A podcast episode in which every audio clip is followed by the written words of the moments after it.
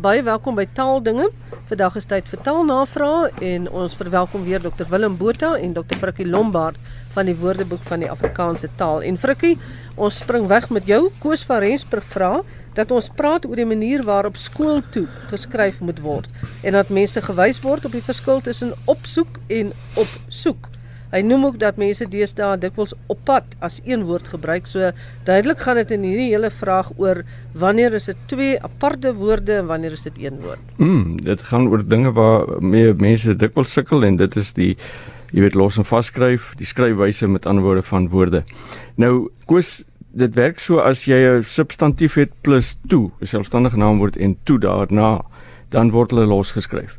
Met ander woorde, jy gaan skool toe, jy gaan huis toe, jy gaan werk toe, jy gaan winkel toe, jy gaan Kaap toe, jy kan gaan Kangaroo grotte toe, alles altyd los. Dit is iets waarmee mense dikwels sukkel. Die volgende kwessie wat Koos noem is daardie uh opsoek en opsoek.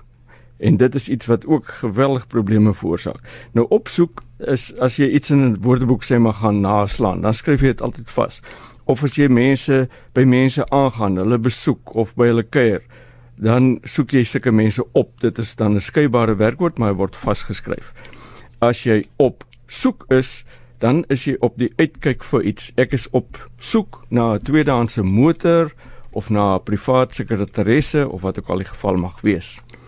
Goed, en dan die kwessie van op pad wat 'n mens verskriklik dikwels sien as een woord en wat 'n onding is, dit bestaan nie.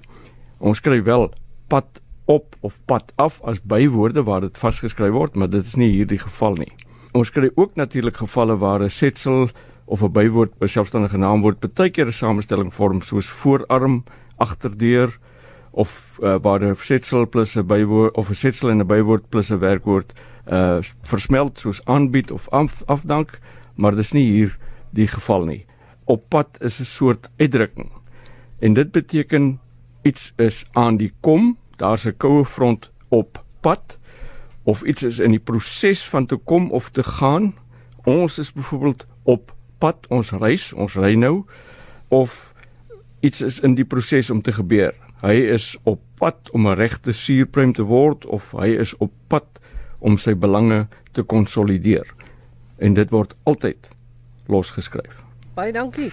Willem, jy het 'n vraag oor Kersfees en Kersfees. Dis nou nie die Kersfees met K R U S nie, dit is die Christmas wat as Kersfees vertaal is. Waar kom dit vandaan? Ja, die ouma skryf dis amper alweer Kersfees. Maar hoe het ons die Engelse Kersfees in Afrikaans dan nou as Kersfees vertaal, vra sy. Sy sê my kleinkinders het altyd daarop aangedring dat ons baie kersse aansteek met Kersfees. So hulle het Kersfees met kersse geassosieer. Nou eerstens, Kersfees is nie 'n vertaling van Christmas nie.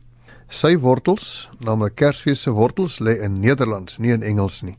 Die kers in Kersfees kom uit die Nederlands kerst wat weer kom uit Christ, gespel met 'n K of CH soos die Engels, maar is Nederlands en is met 'n harde K klank uitgespreek en daarom is dit ook met 'n K gespel. En dit is die woord wat vroeër 'n paar eeue gelede in Nederlands baie algemeen was vir Christus. En uh, so het dit gepraat van Christ in plaas van Christus. Maar Christus self is 'n Latynse woord en die Latynse Christus kom uit die Grieks Christos wat gesalf beteken. Nou letterlik beteken Kersfees dan Christusfees, want daardie kers staan vir Christus. So Kersfees is eintlik Christusfees en dit hou eintlik nie verband met die Engelse Christmas nie. Frikkie Marie Kloete het iets raak gelees oor die skryfwyse van woorde in 'n stuk wat deur die taaladviseur van Viva, Sofia Kap geskryf is. Sy vra nou dat ons gesels oor gunsteling plus dan die woordskrywer reuse plus verlies en privaat plus pad. Sluit ja. seker min of meer aan by die eerste vraag. Dit dit het ook daarmee te doen. Ehm uh, ja, uh, Sofia is 'n senior taaladviseur van die Virtuele Instituut vir Afrikaans en ek uh, neem haar stuk ook nou hier onder die loep. So ek lees min of meer wat Sofia geskryf het en sy sê so werk ons begin sommer by privaat se reël. Nou in die AWS reël 1528 15.28, ek sê amper 15 vers 28 bepaal dat verbindings van byvoeglike en selfstandige naamwoorde onder normale omstandighede altyd losgeskryf word. Ons kry natuurlik gevalle waar daar betekenisverdigting is, soos 'n blou aap of 'n donker kamer of 'n 'n wildebees. In sulke gevalle word 'n verbinding van 'n byvoeglike naamwoord en die selfstandige naamwoord wat volg word vasgeskryf. Maar normaalweg skryf ons rooi ballon los, oulike kinders los, vreemde woorde los, vraai gediggie, stinkvoete, dom antwoord, al daardie word losgeskryf. Nou die woord privaat is 'n byvoeglike naamwoord. Ons kan dit ons kan verskeie toetse aanlê daaroor. Dit kan naamlik verbuig. Ons kan praat van private uit 'n private vliegtyg of 'n privaat vliegtyg. Dit kan ook trappe van vergelyking neem wat net byvoeglike naamwoorde eintlik normaalweg neem. Privater, die privaatste en dit kan ook predikatief gebruik word. Met ander woorde, dit kan na die werkwoord uh dit kan optree na 'n substantief. Soos uh 'n privaat gesprek of die gesprek is privaat, dan is dit uh predikatief gestel. En omdat dit aan al hierdie vereistes van 'n byvoeglike naamwoord voldoen, moet dit ingevolge uh die AWS se reël 15.28 losgeskryf word. Nou daarteenoor word die woorde gunsteling en reuse vasgeskryf, want hulle is nie byvoeglike naamwoorde nie. Dit klink vir die meeste mense klink dit bietjie snaaks as ons sê hulle, jy weet, hulle is nie byvoeglike naamwoorde nie want gunsteling klink vir hulle dieselfde as beste of oulikste en reuse dieselfde dieselfde as sê maar groot of enorme.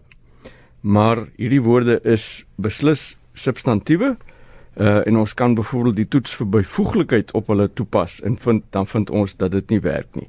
Dit kan nie verbuig nie. Ons kan nie praat van die gunstelinge liedjie nie. Ons kan ook nie trappe van vergelyking gebruik daar nie. Iets is nie gunstelinger of gunstelingste nie en dit kan ook nie predikatief gebruik word nie. Jy kan nie sê die liedjie is gunsteling nie. Ons kan wel sê die liedjie is 'n gunsteling of die liedjie is een van my gunstelinge wat al klaar aandui dat dit 'n uh, selfstandige naamwoord is want dit flekteer, dit neem 'n meervoud. En dus moet ons gunsteling liedjie, gunsteling gedig, gunsteling vakansieplek moet ons altyd vasskryf. Dieselfde geld dan vir reuse Daarom kry ons iets soos 'n reuseprysverlaging of 'n reuse gemors en daardie e is nie 'n byvoeglike verbuiging nie, maar dit is gewoon 'n verbindingsklank. Ek wil net noem dat ek al gevind het dat taalredigeerders self hier dikwels foute maak met reuse en veral met gunsteling. Dit is substantiewe, dit moet vasgeskryf word aan 'n ander selfstandige naamwoord wat daarop volg. Dit is nou nie op ons lysie nie, maar ek wil net hoor by julle klassieke musiek en dan klassieke musiekprogram. Dit is ook nogal iets wat hmm. baie keer vir jou laat twyfel. Is klassieke musiek twee woorde, is dit een woord en wanneer jy nog sê program, is dit dan nog ja. altyd een woord of hoe werk daai storie? Kyk, klassieke musiek is is werk net soos dom antwoord of 'n goeie antwoord of stinkvoete. Dit is dit is die klassieke en dit is 'n byvoeglike naamwoord. Klassieke musiek word dus losgeskryf. Maar die oomblik as jy 'n program daaraan vassit, dan kry jy so 'n sogenaamde ding wat ons noem 'n samestellende samestelling. Dit is naamlik dis nie 'n klassieke musiekprogram nie. Met ander woorde, musiekprogram gaan nie op sy eh, daar staan nie. Dit is 'n program van klassieke musiek. En dus vorm die hele ding een gesubstantiveerde woord en dit word vasgeskryf. Nou, as 'n mens nou na klassieke musiek kyk, eh, ek sou sê klassieke musiek een woord want dit dui die genre of die soort musiek aan. As ek verkeerd dan daar.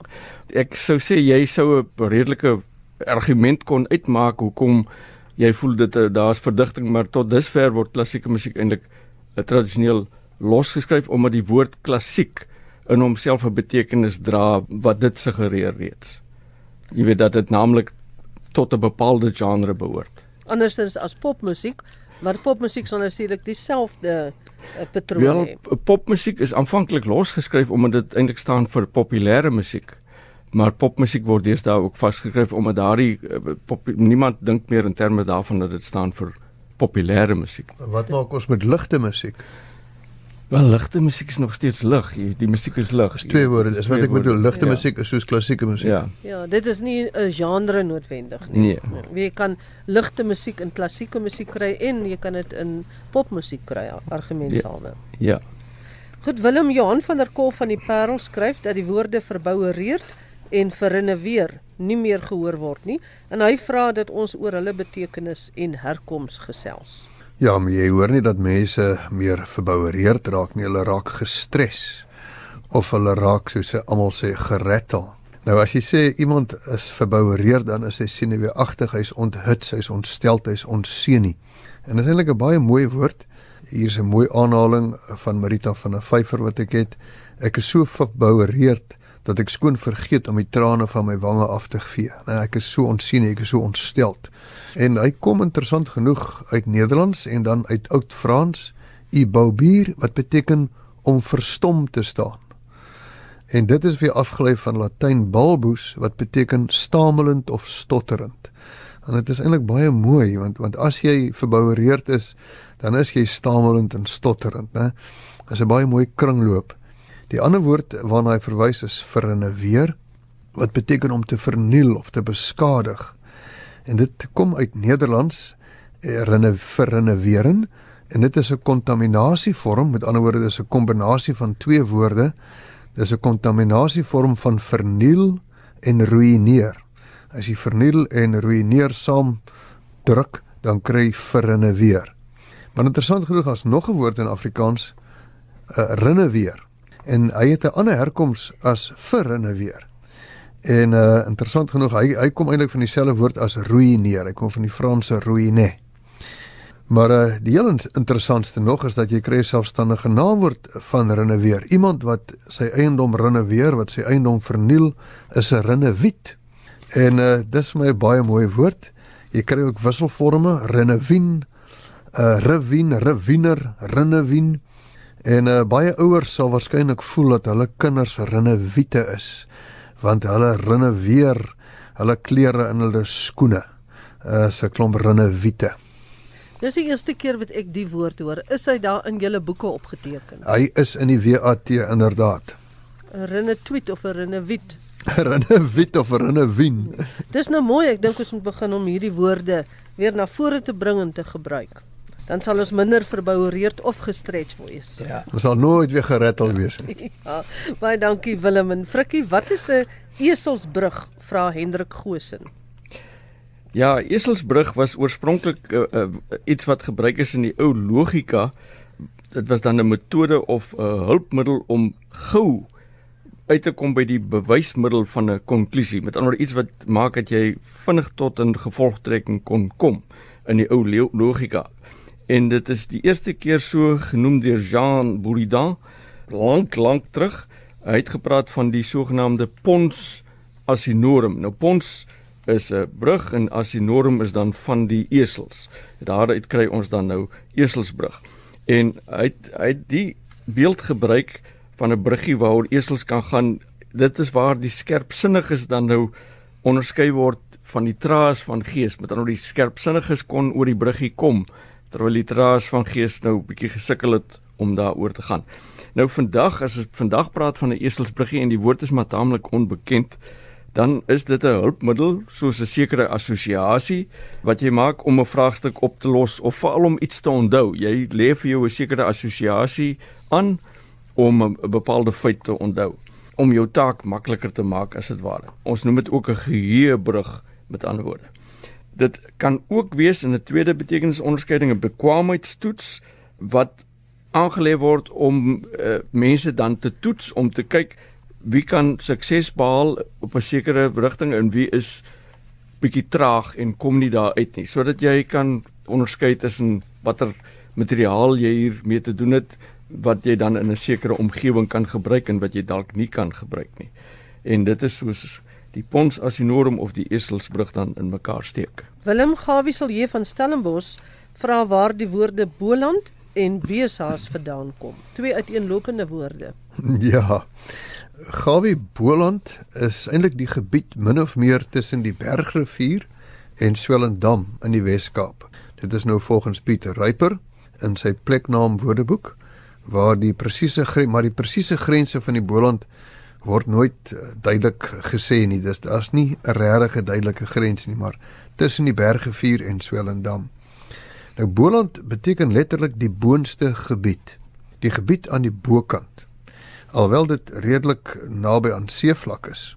Dit is so genoem omdat die berg en die breë rivier hiervandaan uit hierdie gebied na die onderveld loop wat oos en noord van die Heksevierberge geleë is. Met ander woorde, die Boland is 'n effens hoër gebied waarvandaan die berg en die breë vier afloop na die sogenaamde onderveld wat oos en noord van die Heksevierberge geleë is. Beeshaas is die sagte vleis aan die rugstring van 'n bees. Dit staan ook bekend natuurlik as filet. Nou dis 'n samestelling van bees en haas. Die haas is dan nou die sagte vleis aan die binnekant van 'n dier se rugstring net agter die niere. Ek dink daai stukkie vleis lyk ook miskien so na 'n klein hasie. So dis dan nou die hasie binne in die bees. Dis die beeshaas. Ons kry dit alles uit Nederlands. Interessant genoeg haas, die woord haas self, die knaagdier, uh, is weer afgelei van oud Engels hasu wat grys beteken. En dit blyk dan dat die diertjie so genoem is na aanleiding van sy grysbruin kleur. Goed, en dan Werda Biesenbach vra dat ons gesels oor uitdaging versus probleem en ook oor bemagtiging wat oral voorkom en sy vra of daar nie ander woorde is wat dit beter beskryf nie. Frikkie, sal jy vir ons help? Ja, Werda sê soveel gewigtige dinge word deesdae bespreek oor allerlei dinge en dan word daar gesê dit is 'n uitdaging. En nog hier en daar word daar verwys na iets wat 'n probleem is en sy voel die goeters word 'n bietjie de mekaar gebruik. Uh sy sê 'n voorbeeld is Prasa beweer dat oorvol treine is 'n uitdaging terwyl sy sê maar dit is eintlik sekerlik tog 'n probleem waarvoor daar 'n oplossing gevind moet word. Nog iets wat Werda sê, sy sê die die uitdaging het al so 'n vaarstelling geword dat dit nie dat dit lyk asof dit amper nie eers eintlik aksie vra nie. Terwyl as jy iets 'n probleem noem, dan verwag jy dat daar aksie sal kom om dit om dit op te los. Nou Werda is as 'n woordeboekmaker moet 'n mens baie gesteld wees daarop om te onderskei tussen woorde wat naby aan mekaar kan lê betekenismatig, uh, maar wat nie werklik sinonieme is nie. Dit dit moet 'n mens baie mooi dophou. Die eerste wat jy kan doen is om sê maar jy werk met uitdaging versus probleem is om te kyk hoe die woorde uh, vertaal gaan word. Uitdaging gaan vertaal word met challenge of a dare. Ons het ook kleintyd altyd gesê ek dare jou, ek daag jou uit om iets te doen. Terwyl probleem maar net vertaal word met problem en soms met question. As 'n mens nou gaan kyk na uitdaging uh, of na probleem eerder, dan lyk dit die definisies sê vir jou dit is altyd 'n vraagstuk wat jy moet oplos, iets wat moeilikheid meebring of moeilikheid veroorsaak, lastig is om te hanteer en waarvoor 'n mens dan 'n oplossing moet probeer vind. Nou wat 'n mens baie keer kry is jy kan praat van 'n 'n groot probleem of 'n wesenlike probleem of jy ondervind 'n probleem of jy kom voor 'n probleem te staan. Nou jy kan natuurlik ook voor 'n uitdaging te staan kom of dit kan 'n 'n groot uitdaging wees. 'n Mens kan sien dat hoekom mense baie keer die twee goed uitruilbaar gebruik, maar as jy by 'n sin kom soos sy vinnige humeur is 'n probleem of haar ondiplomatiese gedrag het probleme by die werk tot gevolg gehad, dan kan jy sien hier werk uitdaging gewoon nie. En as jy verder gaan met nog betekenisonderskeidings van probleem, dan besef jy uitdaging kan ook nie daar werk nie. 'n Probleem kan wees iemand, iemand wie se handelinge 'n negatiewe invloed of impak het op sy omgewing of sy naaste mense aan hom, soos sy drankmisbruik is 'n probleem vir sy ouers of hy is 'n probleem vir sy ouers. Dit kan ook 'n swakpunt of 'n tekortkoming wees. Slordige bedrading was vroeër die probleem by sommige Italiaanse motors, nie die uitdaging nie. Dit kan 'n hindernis of 'n struikelblok wees. Sy onwrikbaarheid was 'n probleem tydens die onderhandelingsproses. Dit is nie 'n uitdaging daar nie. Of dis 'n vraagstuk of 'n vraag waarvan die oplossing nie voor die hand liggend is nie. Die gradering van koring is 'n internasionale probleem, nie 'n uitdaging nie. En ons ken almal by wiskunde het ons gepraat van probleme. Dis 'n som wat jy moet oplos. Dis ook bekend gestaan as 'n probleem som. Dit wat betref uitdaging en probleem. Nou by bemagtig moet 'n mens uh, weet dat daar aanvanklik ander betekenisonderskeidings was. Byvoorbeeld in die ouer dele van ons woordeboeke is die eerste betekenis wat vir bemagtig gegee word oorweldig of in in jou mag kry. Hulle het die stad bemagtig. Hulle het die stad in hulle mag gekry. Hulle het hulle oorwin. hulle onderwerp. 'n Tweede betekenis wat gegee is is ook hy het Frans bemagtig. Met ander woorde, hy het vertroud geraak met Frans, hy het dit aangeleer. Vandag oorwegend word bemagtig vertaal met empower, bemagtiging met empowerment en dit beteken om die mag te gee aan, om dit moontlik maak vir iemand. Ons praat dikwels van agtergeblewenes wat bemagtig word of die plaaslike gemeenskap wat bemagtig word. Met ander woorde, jy gee vir hulle 'n bepaalde vorm van mag sodat hulle hulle situasie, hulle toestande miskien te bowe kan kom. Nou, baie interessant en hier sal ons moet help roep. Ek wil net noem jy het nou vroeër in hierdie 'n uh, spesifieke antwoord genoem van 'n kind wat 'n probleem vir ouers is. So in daai geval sou mens miskien kan sê die kind is 'n rinnewiet. ja, so, hoor. kom ons kom ons uh, uh, indoktrineer ons luisteraars met rinnewiet en ons gebruik dit aan mekaar. Baie dankie Dr Willem Botha en Dr Frikkie Lombard vir julle deelname aan taal navraag. En van my Magtleen Creer, groetnis tot 'n volgende keer.